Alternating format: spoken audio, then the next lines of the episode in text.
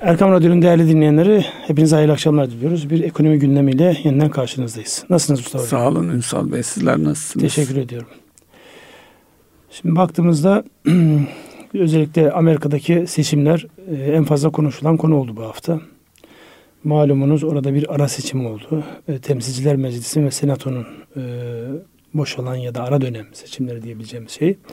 Konuşulan neydi? Cumhuriyetçilerin yani Trump'ın temsil ettiği kesimin büyük bir oyla geri döneceği hatta mevcut iktidar olan demokratların Biden iktidarını cidden sarsacağı noktasında bir beklenti vardı.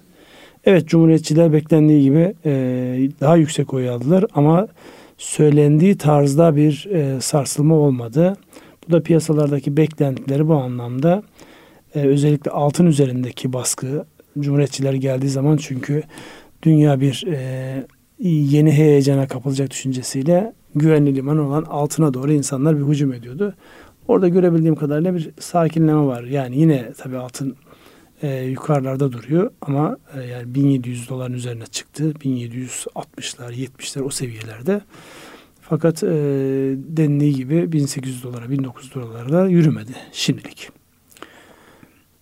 Benim bu haftaki en dikkatimi çeken başlıklardan bir tanesi buydu. Seçimlerle alakalı sizin söyleyeceğiniz bir şey var mı? Amerikan seçimleri dünyayı niye etkiliyor, nasıl etkiliyor? Ee, şimdi Amer e, yine rezerv para ve hakim güç olarak Amerika yani tek kutuplu e, dünyaya dönmüştük e, soğuk savaş sonrasında.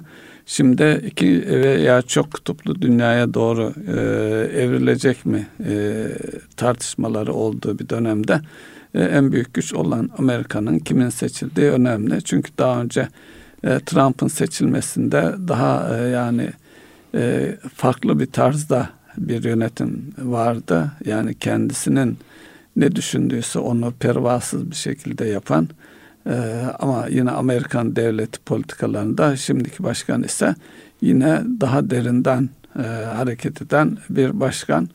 E, orada e, tabii iki parti de bıçak sırtında yani e, yüzde elli seviyelerinde dolayısıyla zaman zaman e, birbirlerinin e, dengesi bozuluyor. Buradaki e, bu dönemde yani seçim öncesinde e, hem temsilciler meclisi hem senatoda e, demokratlar hakimdi. Dolayısıyla istedikleri kararı çıkartabilecek durumda. İşte seçimler e, kesin sonuçlar alındığında en azından temsilciler meclisinde durum değişirse iki partinin daha çok uzlaşarak karar vereceği bir sürece doğru gidecek. Evet, o özellikle e, seçimlerin sonuçlarını etkileyecek bazı eyaletlerde e, ciddi farklar var.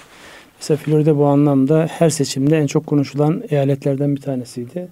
Orada hatta Trump'a alternatif olabilecek bir sonraki seçimlerde başkan adayı olarak çıkabilecek bir valinin seçilmesi ve ciddi bir fark atması Amerikan siyasetinde önümüzdeki dönemde hem daha genç hem de daha farklı figürlerin ortaya çıkabileceği ile alakalı işaretler bunlar. Diyelim bu kadar herhalde Amerika ile alakalı yorum yeter. Fed'in e, Amerikan enflasyonu 7,7 açıklandı. 7,9 bekleniyordu. Onun e, bir rüzgarı var. Tüm dünyayı saran. Ondan bahsedecek misiniz? Şimdi orada e, beklenen önümüzdeki e, Fed toplantısında faiz e, 50 bas puan mı 75 bas puan mı artılacağı noktasında Fed başkanlarının sadece bir başkan yok orada biliyorsunuz. 13 13 tane bildiğim kadarıyla şu an yanlış bir rakam vermeyeyim. Farklı FED var ve onların başında Powell var. Powell'ın açıklamalarından sanki 75 bas puan açıklanacakmış gibi bir görüntü var. Fakat sadece orası değil. Şu an baktığımızda aslında e, yani dolar euroya karşı bir gerileme oldu e, önümüzdeki geçtiğimiz günlerde. E, bir yani 0.98'ler 97'ler gibi rakamları görmeye beklerken tekrar birin üzerine çıktı euro dolar paritesi. Bugün tekrar e, eski şeyinde yani birin altında yine. Dolayısıyla burada alınan kararlar çok ciddi etkiliyor. Beklentiler çok ciddi etkiliyor. Netice itibariyle e, parite nerede kendini gösterecek? Dünya e, ticaretinin dengesini de gösterecek. İşte bugün yine e, az önce ilk baktığımda e, birin altındaydı. Tekrar birin üzerine çıkmış. Dolayısıyla yani sürekli oynuyor bu. Ticari dengeler açısından baktığımızda da e, kurların kur savaşları devam ediyor. Bu hafta zaten herhalde birazdan konuşacağımız konuların başında da cari denge ve özellikle ihracatçılarımızın e, Türk lirasının şu anki seviyesinin değerli bulmaları. Sadece ihracatçılarımız bulmuyor. Özellikle e, yurt dışındaki önemli yatırım bankaları sürekli Türkiye ile alakalı rapor üreten e, yatırım bankaları da bu anlamda farklı sinyaller veriyorlar diye şimdilik ben oraya not düşeyim. Az, az sonra detayına gireriz. Şimdi e, baktığımızda e, ne oldu şeye hatırlarsanız bu e, Merkez Bankası para politikası toplantısında Kasım ayı toplantısında Türkiye'nin e, bir kere daha yüksek oranlı bir indirim yapması bekleniyor. Yani tek haneliğe düşecek de tek hanede 9 mu olur, 9.50 mi olur, 8.75 mi olur onu bilmiyoruz şu an. Ama şu an piyasadan e, farklı olarak, piyasa hassasiyetinden farklı olarak indirmeye devam ediyoruz. Öbür taraftan da e, malumunuz e, özellikle bankaların kaynak ihtiyacından dolayı piyasadaki e, mevduat toplamak için bankalar birbirleriyle ciddi yarışlar içerisinde ve şu an 25'ler 30'lar telaffuz edilir hale geldi yıllık bazda. Yani devletin para politikası olarak 10.50 açıkladığı yerde bankacılık sistemi kaynağa ulaşabilmek için Türk lirasına %25 gibi bir e, getiri sağlamayı taahhüt ediyor. E, bu da e, enteresan bir durum. Öbür taraftan kredi kullandırıldığında devletin kağıtlarını almak zorundasınız. Onların getirisi %8'ler 9'lar seviyesinde.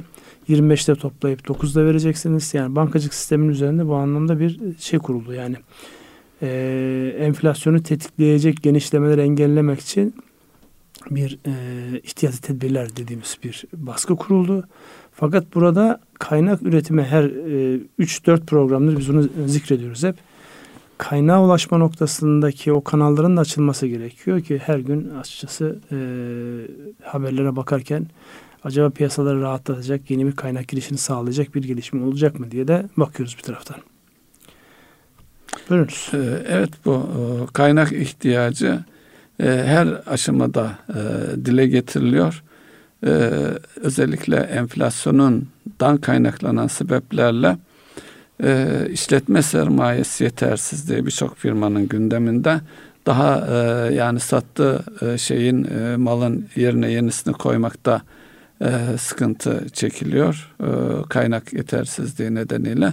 Bunun bir yolla çözülmesi bekleniyor ki e, hatırlarsınız geçen hafta e, e, Cumhurbaşkanımızın açıklaması vardı bunun bu konunun çözüleceğine ilişkin. E, sanıyorum çalışmalar sürüyordur ama çok da uzadığı zaman bu sefer bunun piyasaya e, bir takım olumsuz yansımaları olmaya başlıyor. Çünkü e, firmalar özellikle tedarikçilerine yapacakları ödemelerde gecikmeler, aksamalar olabiliyor. Bu tabi piyasanın e, birbirine güvenini de zedeleyen bir durum. Dolayısıyla daha önce vadeli mal aldığı bir firmadan e, aynı koşullarda e, tekrar mal alamamak gibi sonuçları da ortada. Şimdi iş dünyasının bu işletme sermayesiyle kaynağa ulaşmakla ilgili sıkıntıları konuşulurken bir de emeklilikle yaşa takılanlarla ilgili bir çözüm üretiyor e, devlet. Bu çözümün e, doğal olarak işverenlere de bir e, etkisi uzantısı var. Neticede emekliye gelenler emekli olduğu zaman kıdem tazminatlarını çalıştıkları işverenden tahsil etmek durumundalar. Şimdi tabii e, bir e, iş adamının e, açıklamasından yani iş yerlerinde kendi şehriyle ilgili söylüyor. Yüzde otuz seviyesinde emekliye gelen insanların oldu? Bundan emeklilik sonucunda ödenecek ciddi bir kıdem tazminatı yükü olduğu Dolayısıyla bu yükün de nasıl yönetileceği daha doğrusu e, devletten bu yükün kaldırılmasına yönelik olarak bir destek talebi var. Bu destek talebi çok kolay görünmüyor. Bir taraftan kredi e, sıkıntısı varken nasıl çözülebilir? Tabii bunun etkileri sadece parasal olmanın ötesinde de firmalar e, kritik personellerini kaybetme riski de var.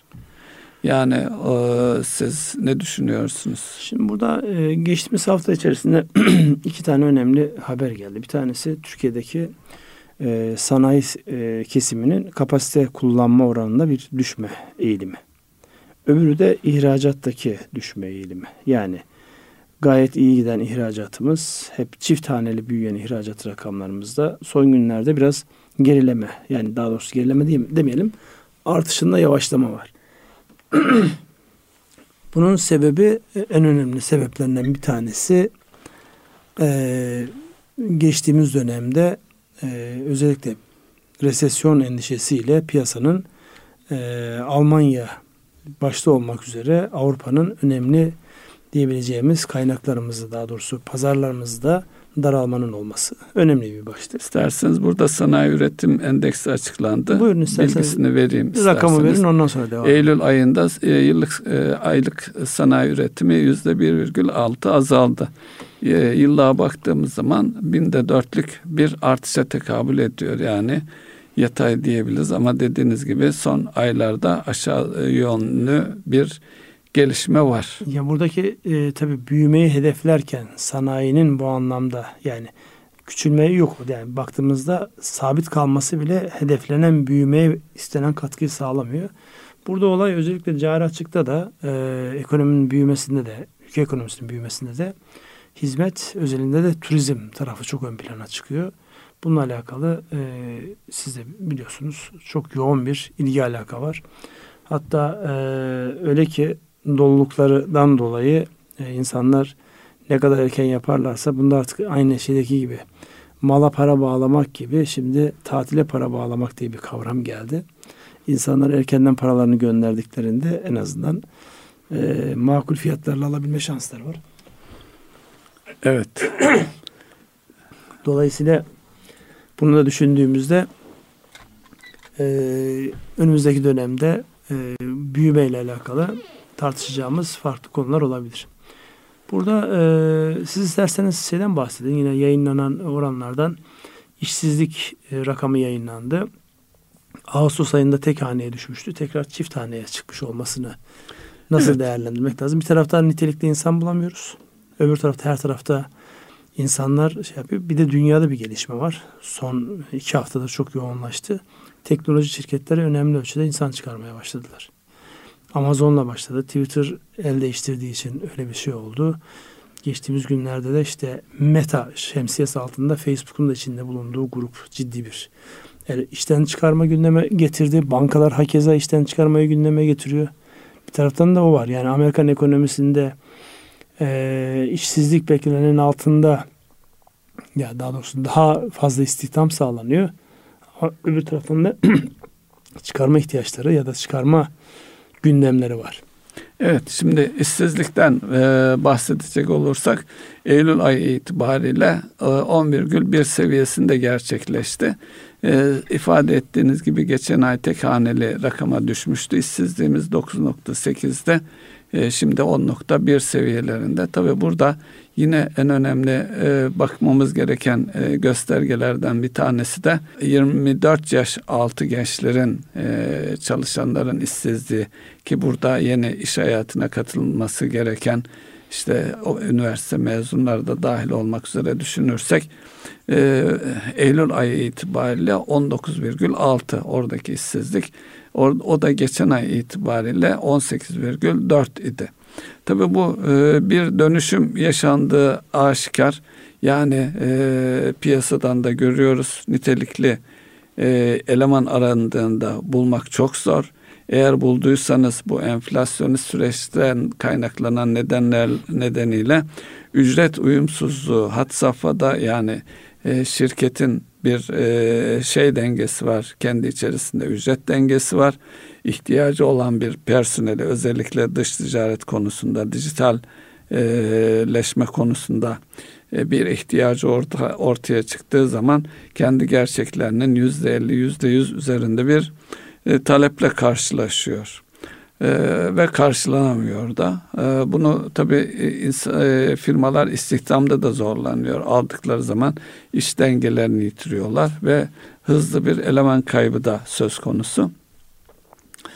Ee, daha önceki konuşmalarımızda özellikle e, Amerika'da olanlar e, dikkat çekiyor. En son Twitter'da gündeme geldi. Orada da patron değişikliği nedeniyle ciddi işten çıkarmalar yaşanıyor. Ama Amazon'un da çıkarması, Metaverse ile ilgili e, Meta'nın da çıkarması e, bir açıdan da şöyle bir gelişme var. Özellikle Amazon biliyorsunuz bir pazar yeri. Tüm dünyayı kapsayan pazar yeri. Bir geçenlerde bir açıklamaları daha vardı. Artık biz yeni e, pazar yerine yeni üye almayacağız diye. Şimdi e, benim tahminim çok sayıda dünyanın her yerinde üyeler var.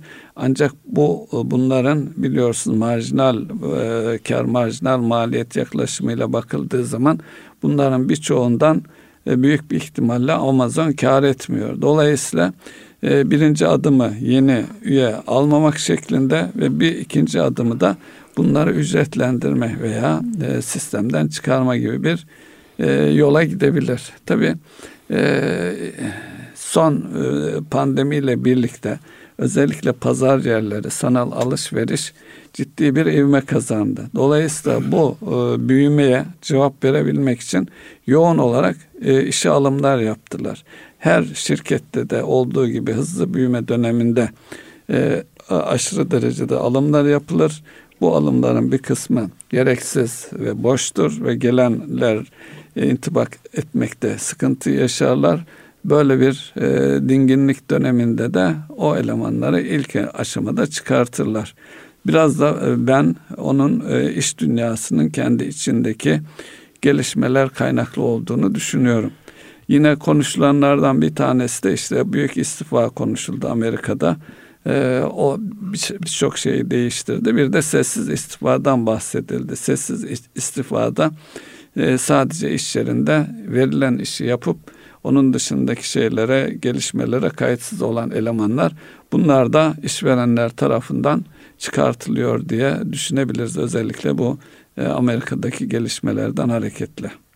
Şimdi burada baktığımızda çeyreklik dönem itibariyle özellikle Amerikan ekonomisini konuşuyorsak Amerikan ekonomisinde yani geçtiğimiz iki çeyrekte e, evet bir küçülme bir daralma oldu ama son çeyrekte %2.6'lık bir büyüme olmuştu. Dolayısıyla buradan baktığımızda aslında ekonomide bir daralma olmamakla beraber tam da sizin söylediğiniz gibi işletmelerin pandemiyle beraber öne çekilmiş dijitalleşme ve e-ticaretten dolayı o dönemdeki yoğun talebi karşılamak için yapmış olduğu istihdamları biraz e, geriye veriyorlar. Ama bir taraftan da başka şeyler var. Özellikle e, daha önceden malumunuz e-ticarette en önemli iki oyuncu vardı. Birisi sizin zikrettiğiniz Amazon, öbürü de Çinlilerin Alibaba'sı. Bunlar farklı şekillerde, farklı ülkelerde organize olmaya başladı. Malum Alibaba Türkiye'de de şu an en büyük e, pazar yerinin sahibi konumunda. Şimdi bunları yan yana koyduğumuzda bazen planlanandan daha hızlı büyürsünüz. Bazen e, optimum seviyeye ulaşabilmek için elinizdekilerin bir kısmını boşaltmak zorunda kalırsınız. Ben onun öyle bir dönemi olduğunu bir taraftan da rakiplerin çıktı. Çünkü e, bakıyorsunuz mesela yeni e, pazar yerlere çıkıyor. O yeni pazar yerlerinde de bir kayıp yok. Belki karlılık anlamında bir gerileme var, bir düşme var ama özüne baktığımızda e, yani şeyler yeni piyasa devam ediyor. Yani pazar büyümeye devam ediyor Türkçesi o. Dolayısıyla e, böyle zamanlarda farklı açılımlar olacaktır. Önemli olan Türkiye'nin buradaki özellikle e, büyümesiyle alakalı, cari dengeyle alakalı olan kısma baktığımızda onun da istatistiklerinden biraz bahsettiniz. İsterseniz biraz daha detaylandıralım. E, şu an e, baktığımızda e, 3 milyar dolara yakın bir e, cari açık verdik en son verilen rakamlara göre. Yıldan yıla bir yıllık toplama baktığımızda da 39 milyar dolar gibi bir rakama ulaştı bizim e, cari açığımız. E, öbür taraftan enerji ve altını dikkate aldığımızda ki bizim en önemli ithalat kalemimiz enerji ve altını dikkate aldığımızda da aslında 6 milyar dolar fazla veriyoruz. Yani bizim aslında e, açık verme gerekçemiz enerji ki onun için bu Karadeniz'deki doğalgaz çok değerli, Doğu Akdeniz'deki doğalgaz çok değerli. İşte bu güneş santrallerinin kurulması, yenilenebilir enerji, nükleer enerji bunların ne kadar önemli olduğu buradan da çok net bir şekilde görülüyor. Öz itibariyle fazla verebilecek bir ekonomi sadece enerji kaleminden ve e, özel ilgisinden dolayı ki orada aslında altın ithal eden tarafız ama altınla beraber işlenen e, mücevherat tarafında da önemli bir markayız dünya genelinde. Tedarikçiyiz. Evet önemli bir tedarikçiyiz. Dolayısıyla e, bunları dengelediğimizde enerji altın hariç fazla veren, enerji altını dahil ettiğimizde 39 milyar dolar cari açık veren bir ülkeyiz. Burayla alakalı değerlendirmeniz ee, Bu var. enerjiden hareket edersek mesela şu anda e, özellikle Avrupa'da yaşananlar enerjideki fiyat artışları nedeniyle ekonomiler hatta enflasyonun kaynağı e, enerjideki fiyat artışları ve bu fiyat artışlarının üretimlerine ciddi yansımaları var. Yani stratejik olarak bizim ülke olarak da enerji tarafında e, dışa bağımlılığımızı ne kadar azaltırsak e, maliyetlerimizi kendi gerçeklerimize göre yani dış etkiler etkiden e, arındırmamız mümkün. Tabi bu da bir günde olmuyor ama dediğiniz gibi yoğun olarak özellikle güneş tarafında yoğun yatırımlar var. Rüzgar tarafında yatırımlar var. Bunların artarak devam etmesi bekleniyor. Ancak bunların da işte dengelenme noktasında olmazsa olmaz nükleer santral ve diğer e, santrallerinde yani her zaman emre amade kal, e, olacak e, özellikle elektrik tarafında e, üretim santrallerine ihtiyaç var. Belki e, dağıtım altyapısının da yeniden elden geçirilmesi, modernize edilmesi de bir ihtiyaç olarak duruyor.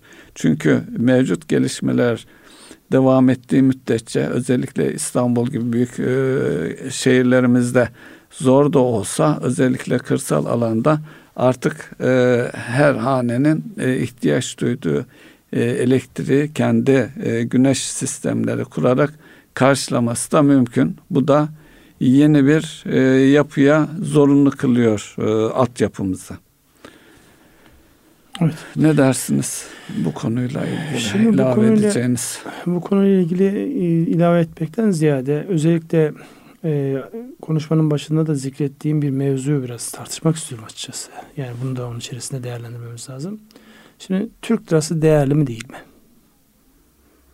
Yani bu soruyu sorduğumuzda yani e, bir taraftan ülke olarak kurların hızlı artmasından dolayı enflasyonu transfer ettik. İhracatın gelişmesinden dolayı ya da ihracatın önceliklenmesinden dolayı yurt dışına satmak cazip hale geldiği için yurt dışına satış fiyatları yukarıda olunca otomatik olarak içerideki fiyatlar da yukarıya doğru gitti. Yani bunlar birbirinin hangisi sebep hangisi sonuç oralara girmeksizin tartıştığımız bir mevzu. Ama şu an geldiğimiz bir yer var. Türk lirası işte geçen sene Aralık ayındaki o ataklardan sonra yapılan müdahalelerle bir, belli regüle edildi. Belli bir dengeye geldi. 11'lere geldi 18'lerden. Şu an tekrar 18'lerin üzerinde en yüksek 19-28'i gördü buralarda duruyor. Şimdi tam buradayken e, tartışmanın özellikle ithalat bugünlerde artıyor, fazlalaşıyor. Şu an Türk lirası fazla e, değersizleştirildi. Dolayısıyla ithalatın önü açılıyor. O dış ticaretle büyüme noktasında istenen e, güç istenen e, efor sağlanamıyor. Denen bir de bunu e, meslek kuruluşları yapıyor. Türkiye'de İhracatçılar Meclisi olan TİM Başkanı e, en son yapmış olduğu açıklamada Türk lirası enflasyon kadar değer kaybetmeli ki biz ihracatımızı devam ettirmeliyiz gibi bir açıklama yaptı. Tam da bunun yanında Barclays'in yapmış olduğu bir değerlendirme var. Bir rapor e, yayınladılar. Orada da Türk lirasının e, yıl sonuna e, kadar biraz daha değer kaybedeceğiyle alakalı. Öbür taraftan şunu görüyoruz çok net bir şekilde. Başta Hazine Maliye Bakanlığı olmak üzere, Merkez Bankası başta olmak üzere kuru bu seviyede tutma konusunda yani kur hedeflemesi yok denmekle beraber ama kuru bu seviyelerde tutmak gibi bir şey var. Bu Türkiye'nin yani burada e, önce Türk lirası değerli mi değil mi konusundaki fikrinizi merak ediyorum. Buradan tabii insanların yani döviz almasına yönelik herhangi bir şeyimiz yok ama yani bunu bir değerlendirelim. Sonra da yani bu dengede tutma gayretinin e, karşılığında e, ödenen herhalde bir şey vardır. Bir bedel vardır. Bunun bir maliyeti vardır. O ne olabilir? Onun biraz isterseniz tartışalım. Ee, tabii bu e, bir e, ikilem içerisinde bu kadar değerliyse niye e, e, sıkıntı çekiyoruz diyebilir insanlar. Çünkü çarşı pazara çıkıldığı zaman. Tabii geçen e, Aralık ayından itibaren olanlara bakacak olursak e, özellikle e, Merkez Bankası faiz indirimlerinin e, de, den tetiklenen aşırı bir döviz kuru artışı oldu. Dolayısıyla bu kur seviyesini e, doğrudan enflasyonu e, bu içinde yaşadığımız seviyelere çıkardı. Bir tanesi bu. Bir tanesi de e, dış dünyadaki e, savaşla da e, tetiklenen e, enflasyonist bir dünya ekonomisinin enflasyonist bir sürece girmesi özellikle Batı ülkelerinden kaynaklanan şekilde. Şimdi e, kendi iç dengelerimize baktığımız zaman yüzde seksenin üzerinde 85'lerde bir enflasyon varken e, TL getirilere veya doların seviyesine baktığımız zaman onlar sabit kalıyor çok fazla. Mesela doların e, aşağı yukarı bir iki aydır belli seviyelerde çok küçük artışlarla gidiyor. Dolayısıyla elinde Türk lirası olanlar e, bunun değerini korumak için e, şu anda e, onu size özellikle sormak istiyorum. Borsa İstanbul'daki e, e, artış trendi bir tane borsa var. Artışta Türk lirası enflasyona karşı değer kaybını muhafaza eden onun karşısında da herhangi bir şey yok. Özellikle bu arada istatistiğe de yer verelim isterseniz. E, tüketici enflasyonundan arındırılmış e, gerçek getiri oranlarına bakıldığında Borsa İstanbul e, yüzde otuz dokuz buçukla şu anda zirvede duruyor. Üç aylık dönemde. Bunun yanı sıra dolar 1.84'lük bir kayıp var. Son üç ay söylüyorum Ünsal Bey. Külçe altında 5.7'lik bir kayıp var e, devlet iç borçlanma senetleri daha keza. Şimdi e, böyle olunca insanlar ellerinde para varsa ve bu kullanmayacakları para varsa iki şey yapabilirler. Bir tanesi e, borsaya yönelmek ki oraya yoğun bir yönelme var. E, 500 bin civarında bir yeni e, yatırımcı katılımı olmuş.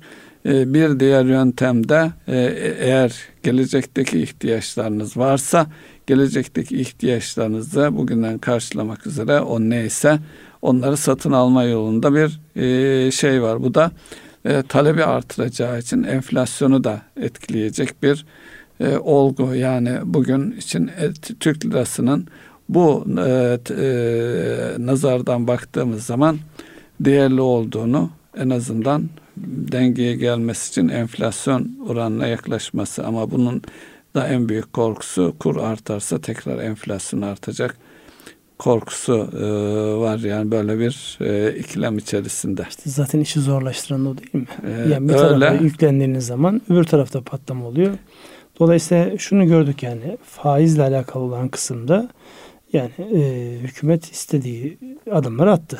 Yani faizin düşük olmasıyla beraber. Fakat ortada şöyle bir şey çıktı. Düşük olan faizle zaten bizim 2018'den beri yaşamış olduğumuz hadise üretime gitmedi bu. Yani e, gayrimenkule gitti, otomotive gitti. Yatırımla alakalı şu an mesela özel, özellikle kamu bankalarıyla yapılan Merkez Bankası ve Hazine'nin birlikte çalışarak yaptığı bir şey var. Yatırım ve istihdamı sağlayacak e, projelerle alakalı özel kredi verilmesi noktasında şu an kamu bankalarıyla görüştüğünüzde normal işletme kredilerine sıcak değiliz ama eğer bir yatırım varsa oturup değerlendirelim. Yani ne kadar istihdam sağlanıyor, ne kadarlık yatırım yapılıyor. Bununla alakalı destek verelim şeklinde bir geri dönüşler oluyor. Şimdi burada e, Türk lirası değerli mi değil mi noktasında en önemli bunun belirleyicisi e, rezerviniz açısından değerlendirdiğiniz yani eldeki rezerv açısından baktığımızda e, swaplara çıktığımızda negatifteyiz. Öyle olunca yani kuru daha fazla burada tutabilme noktasında yoğun gayret gösteriyor. KKM bu anlamda hatta bugün de rakam da açıklandı. KKM'nin bugüne kadarki hazineye olan yükü bir haber olarak gördüğüm için detayını inceleyemedim ama sadece orada gördüğüm kadarıyla 94 milyar TL gibi bir e, maliyetten bahsediliyor. Şimdi alternatifi neydi bunun? Kurların yani önünün açılması, ülkenin bu anlamda daha ciddi bedeller ödemesi. Burada da taraflar herkes kendi bulunduğu yerden değerlendiriyor. İhracatçı diyor ki ben şu an e, ihracat yapabilmek için içerideki maliyetlerin artmasından dolayı işte ücretler arttı, kiralar arttı. Zaten e, ham madde fiyatları e, döviz bazında olduğu için onlar zaten artmıştı. Geç son dönemde ciddi bir geriye gelme var özellikle demir çelik sektörü başta olmak üzere. Bunları değerlendirdiğimde ben e, ihracatın benim açımdan cazibesi kalmadı. Ya da cazibesini yitiriyor. Aman tedbir. O diyor ki biraz daha e, Türk lirası değer kaybetsin. Ee, diğer öbür taraftan da hükümet enflasyonundaki en önemli girdilerden bir tanesinin kurlar ve kurlara bağlı olan maliyetler olduğunun farkında. Orayı tutmaya çalışıyor. Hadi buyurun e, buradan hangisine destek vereceksiniz? Ekonomi büyütmek için önceliklediğiniz ihracatı mı? Onlar kurun e, daha yukarı gitmesini istiyorlar. E, geniş kitleleri etkileyen enflasyonun düşmesi o da hükümetin yani en azından bundan sonraki süreçte seçimde var. Seçimde de e, belli bir performans gösterebilmek için geniş kitleleri ikna etmeniz gerekiyor. Orada da enflasyon düşmesi gerekiyor. Evet. Hadi buyurun hangisini destekleyeceksiniz? Ee, ve insanların e, insanlara bir harcama imkanı sağlamak gerekiyor. Onunla ee, alakalı şeyler başladı. Zaten buradaki özellikle bu EYT'nin e, meclise gel- geliyor olması e, ve Hazine Maliye Bakanı'nda eğer EYT geçerse 15 Ocak itibariyle nasıl uygulanacağı ile alakalı biz de hazırlıklarımızı yapıyoruz diyor. Geçenlerde de biz bunu konuştuk e, hatırlarsanız. Özellikle iki tane e, konu. Bir tanesi daha önemli. Ücretlere yapılacak olan, asgari ücretle yapacak olan zammın Ocaktan sonra değil, Ocaktan önce yapılıyor olması. Bütçelerin yani, ona göre tabii ki şirket edilmesi. bütçelerinin ona göre yapması. Çünkü geçen sene iki kere bu yapıldı ve bunlar e, daha önceden e, tahmin edilenlerin üstünde geldiği için bütçeler ciddi e, revize edilmek zorunda kaldı. Ya buradaki eğer mümkünse e, yıl sonundan önce yani 2023 gelmeden önce e, asgari ücrete yapılacak olan zamların belli edilmesinin e, bir avantaj olabileceği ile alakalı beklenti var. Tabii netice itibariyle hükümetin de bu anlamda çok dengesi var. Yani bir tarafa dokunsa ihracatçılar evet. bağırıyor, bir tarafa dokunsa halk bağırıyor, bir tarafa dokunsa işte ithalat patlıyor. Nereye dokunsanız muhakkak e, zaten denge dediğimiz hadise burada kendini gösteriyor. Karşılığı var. Burada bir zorluğumuz var yani. Peki Cümle şimdi e, bir takım zorluklar var. E, işte e, kıdem tazminatını alanlar parayı nereye harcar? Enflasyon açısından düşünülecek şeylerden bir tanesi bu. Çünkü büyük bir sayı e, olacağı e, konuşuluyor. Bir de e, borsadaki firmalar dahil olmak üzere kar rekorları yaşanıyor. Dolayısıyla şimdi yoğun olarak dile getirilen Anlıyorum. E, enflasyon ille borsa ile alakalı bana bir yorum yaptıracaksın. Hem o hem borsa hem de enflasyon muhasebesi. Çünkü firmalar şunu diyor biz işletme sermaye sıkıntısı çekiyoruz. Sermayemiz enflasyondan arındırıldığı takdirde erime içerisinde. E, bir de bu e, yani enflasyondan kaynaklanan kar üzerinden bir de vergi verecek olursak e, dolayısıyla en azından enflasyon muhasebesine geçilsin e, e, gerçek karlarımızın karşılığında vergi verelim e, diye bir e, Hoca, serzenişler var. Hoca Nasreddin'e ne kadar çok ihtiyaç var biliyor musun? Bir yani tane şu an olsa herkese haklısın deyip geçecek yani. Şimdi burada baktığında evet dediğiniz doğru. Yani siz ısrarla benim borsayı yorumlamamı istiyorsunuz farkındayım. Evet Hadi borsayı özellikle istiyorum. Ama öncelikli olarak mesela borsadaki şirketlerin karlılığıyla alakalı yapılan yorumlar. İşte bilançolar açıklandıkça geçen sene 300 milyon kar eden 1 milyar TL kar etmiş. İşte 1 milyar eden 5 milyar etmiş. Baktığınızda evet karlar artmış. Ama öz kaynak karlılığına baktığınızda enflasyonla değerlendirdiğinizde öz kaynak karlılığında öyle belirgin bir artış falan yok. Yani sadece insanlar mevcudu muhafaza etmişler. Hatta mevcudu muhafaza etmeyi bırakın kenara biraz kaybetmişler. Yani enflasyon muhasebesi uygulansa Dur, belki zarar... Onu da söyleyeceğim. Buyurun. Müsaade ederseniz. Ya bugün Odalar Borsalar Birliği Başkanı'nın da şeyi var işte enflasyon muhasebesine geçmemiz lazım. İş adamları sermayelerini kaybediyorlar. Doğru. Evet enflasyon iş adamlarına sermaye kaybediyor. Yani sadece sermayeyi muhafaza etmek için diyelim enflasyon kaç? 80. Yüzde 80 kar etse e, sermaye muhafaza edecek gibi duruyor. Kaba hatlarıyla söylüyorum. Oradaki o deflatörleri, meflatörleri kullanmaksızın yani. Hepimizin anlayacağı şekilde. E, enflasyon zaten yüzde 80 ancak başa başta kalıyor. Ama yüzde 80 kar ettiği için bunun üzerinden vergi ödediğinde e, otomatik olarak sermaye küçülmüş oluyor. Onun için iş adamları haklı olarak şunu diyor kendilerince enflasyon muhasebesi uygulansın. Enflasyon kadar ki artışlar vergi matrahının dışında kalsın. Ama daha önceden de biz bunu şöyle konuştuk. Enflasyon en çok kime yarar? Devletlere yarar. Devlete yarar. Niye? E çünkü e, artan fiyatlar üzerinden artan karlar üzerinden ister muamele vergisi alan KDV dolaylı vergilerden. dolaylı vergilerden işte buradan sizin bütçe denkliğinizi sağlarsınız. Şimdi az önceki denge denge diyorduk ya. Burada da farklı bir denge var. Yani e, iktidar açısından çok önemli olan, devlet açısından çok önemli olan bütçe denkliği varken bunu enflasyon muhasebesine geçerek bu denkliği bozar mı? Sorusunun cevabı hiç kimse bozmak istemez. Bir de önümüzdeki dönemde özellikle Nisan şey Ocak ayından itibaren piyasaları rahatlatacak likitte sağlanacağı ile alakalı artık net beklenti oldu. Önce fısıltı olarak başlıyor. Sonra artık herkes şunu söylüyor. Ocak ayında piyasalar rahatlatılacak. Bu sefer yani artık rahatlatacak rahatlatılamayacak sorusu kenara kalıyor. Nasıl rahatlatılacak? Ne kadar verilecek? KGF'den mi gelecek? Tüketici kredilerinden mi gelecek? Nereye gelecek? Nasıl bir rahatlama? Onların tartışmaları yapılıyor. Onun için şu an e, e, yani karar vericilerin yerinde olmak istemezsiniz. Enflasyon muhasebesi gerekli. Tekrar şimdi sizin borsa şeyinize geleyim. Şimdi borsada yabancıların payı %32'ler seviyesine düşmüş vaziyette. 32, 33, 30 neyse. İçerideki yatırımcılar bu anlamda e, son derece hareketli bir e, imkan sağladılar. Bakıyorsunuz bir taraftan endeksi sürükleyen işte 30 endeks, 50 endeks ya da 100 endeksin içindeki kağıtlarda ciddi bir hisselerde ciddi bir hareketleme var. Eski dil alışkanlığı hala kağıt ifadesini kullanıyoruz. Dijitalleşmiş olmasına rağmen. Öbür taraftan da yeni gelen firmalar özellikle teknoloji ve enerji ağırlıklı firmalarda çok ciddi belirgin fiyat artışları var. Şimdi bu bir e, süreç. Yani baktığınızda alternatifi yok. Dolar bazında baktığınızda hala ucuz. Hala ucuz. E, kriptolara bakıyorsunuz 70 bin dolar olan e, Bitcoin gelmiş 18 bin doların altına. 17 bine evet. Taban taban gitmeye devam ediyor. Yeni şeye göre 10 bin 9 bin lira kadar inecek. Oradaki marjlarla baktığınızda gerçekten karşılığında eğer bilançolar düzgünse, faaliyet alanı düzgünse faaliyet gösteren işletmelerin desteklenmesi açısından burası çok önemli. Yani şu an kaynağa ulaşma noktasında İstanbul borsası çok değerli bir yer.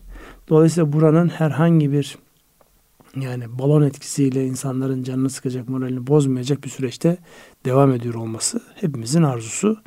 Ama tabii böyle her gün yüzde iki, yüzde üç bu da insanların e, farklı hislerini gündeme getiriyor. Yani o oyun oynama isteğini gündeme getiriyor. O açıdan da e, sıkıntılı bir yer. Onun için e, dikkat edilmesi, profesyonelce yaklaşılması, alınan hisse senetlerinin firmalarının kim olduğunu bakılması, sahiplerine bakılması gibi çok ciddi e, parametreleri değerlendirilerek insanların tasarruflarını buraya yönlendirmelerinde hiçbir beis yoktur. Evet. Ee, yine e, Bitcoin'den bahsettiniz. E, bu haftanın gelişmelerinden bir tanesi e, Amerika'da e, bir borsa FTX diye bir borsa e, rakibine satıldı. Rakibine ya satılan, da rakibi onu e, rakibi satın, satın almak isterken e, bunu battı ortaya çıktı ve e, CEO'su özür diledi. Oradaki şey de yine bu Ponzi yaklaşımıyla e, daha doğrusu nasıl oldu? E, müşteri hesaplarının e, müşterilerin bilgisi dışında kullanılması bir e, yani benzerini biz yaşamadık Türkiye'de evet, yaşamadık. yaşadık maalesef. Dolayısıyla yani gerçekte orada e, varmış gibi görünen şeyler aslında yok. Yok. Dolayısıyla e, bu da e, o alemin yani bu gelişmenin birçok e, kripto paranın sonu olduğu tasfiye edileceği daha sonrasında da yeniden ama buradan vazgeçilecek bir şey gibi durmuyor artık geldiğimiz nokta itibariyle ama yasal dayanaklarının ortaya çıktı. Bu her ülke kendi yasal dayanağını çıkartacaktır. Ona göre e, hareket edile, edilmesi bekleniyor. Tabi birileri de bu arada e, bedeller ödemiş oluyor. E, şimdi Kasım ayına girdik. E, çarşı, pazar, e, AVM dolaşıyor musunuz Ünsal Bey? E, deniliyor ki indirim kampanyaları e, Kasım ayında başlar. Ancak e, indirimlerin göstermelik olduğu ciddi bir indirim olmadı. Bu enflasyondan mı kaynaklanıyor yoksa e, parakendedeki, perakendedeki e, canlılıktan mı kaynaklanıyor? Yani şimdi rakamlara baktığımızda Türk perakende sektörü yüzde dörtlük bir büyüme göstermiş. Yani e, bir taraftan enflasyonun yüksek olduğu ortamda gelir e, elde etmenin ya da satın alma gücünün düştüğü ortamda sektör büyüyor. Perakende sektörü büyüyor. E, bu aslında kendi içerisinde mantığında açıklıyor. Özellikle enflasyon yüksek olduğu dönemlerde mala olan ilgi, mala olan alaka, erkenden alma e, düşüncesi e, ön plana çıkıyor. Bu sene e, indirimlerin yani beklenen anlamda indirimlerin olmaması ya da bunun hissedilmemesinin sebebi tam dediğiniz şey enflasyon. Yani her ne kadar e, tekstil gibi moda olan yani bu sene satmadığınızda gelecek sene zaten satamayacağınız bir ürünle alakalı orada indirimler olabilir. Olmalı da. Evet. E, dolayısıyla burayı değerlendirdiğimizde e, e, söylendiği gibi indirimler dikkatim dağıldı bir an böyle niyeyse alarm çalınca. Evet. Ee, söylendiği gibi indirimlerin hissedilmemiş olması ya tekstil dışından son derece normal. Yani beyaz eşya tarafına falan baktığınızda yani zaten orada böyle beklenen indirim falan olmuyor. Enteresan da bir e, ürünle alakalı e, pandemi sürecinin hemen öncesinde bir ürünü değiştirmiştik. Şimdi ona benzer bir ürünle alakalı bir şey vardı. 4 bin liraya aldığımız ürün şu an 28 bin lira. Yani 7 kat. 7 kat 3 sene içerisinde. İthal bir ürün mü? Yok Türkiye'de üretiliyor. Yani beyaz eşya. Yani hmm. Türkiye'de Türkiye beyaz eşyasından biliyorsunuz çok evet. önemli üretici ülkelerden bir tanesi. Şimdi anlayamıyorsunuz yani rakamları böyle yan yana koyduğunuzda bu yani, hiçbir şeyle izah 4 bin lira olan şey 28 bin lira nasıl olabilir diyorsunuz. Ne oldu yani? Ne ne olmuş olabilir? Ne kurlarla çarpıyorsunuz 7 kat çıkmıyor. Onunla çarpıyorsunuz 7 kat çıkmıyor. Ama öyle. Dolayısıyla yani şu an algı farklı, gerçeklik farklı. İşletmeler kendilerini ayakta tutabilmek için yapıyorlar. E, tüketici de bekliyor ki indirim gelsin. Normal sezonda alamadığım ürünü indiriminde belki alırım diyor. Ama yok. Evet. Yok yani. Bu sene bir de şu var görünüm. özellikle böyle marka uluslararası markalarda görmüş olduğumuz şey var. Şimdi e, malum Amerika'da e, onların kara cuma dedikleri şey millet dört gözle bekliyorlar ve çok enteresan şeyler. Geçenlerde bir arkadaş şunu söyledi. Ki 35 dolara aldığım ayakkabı burada 6 bin lira. 35 dolar 6 bin lira etmiyor. 35 dolar etse işte 600 lira eder, 700 lira eder. Evet. Yok yanlış söyledim. Doğru. Yani, o kadar eder. Evet. Yani 700 lira 6 bin lira nasıl oluyor Türkiye'de? Bir de bu anlamda da bir oturup değerlendirmek lazım. Bazı şeylerin tamam yani bu e, kara cuma fiyat indirimlerine düşme ama normal fiyatı da 100 dolar olsun. 1800 lira nasıl 6000 lira oluyor? 1900 evet. lira nasıl 7000 lira oluyor? Bu da e, kendi içinde oturup değerlendirilmesi gereken bir husus. Yani oralara da bilmiyorum girer miyiz girmez miyiz? Ee, işte orada artık e, markalar, fiyatlama politikaları ülkelere göre farklılaşan fiyatlama politikaları da olabiliyor. Ee, evet. Ee, her şey e, gündeme gelebiliyor. Evet. Erkam Radyo'nun değerli dinleyenleri bir ekonomi gündeminin daha sonuna geldik. E, dilimizin döndüğünce anlatmaya çalıştık. Bugün biraz lisanda sürçme fazla oldu. E, bazı noktalarda özellikle hangi konuyu ön plana çıkaralım diye hakkınızı helal ediniz. Hayırlı akşamlar. Hayırlı akşamlar.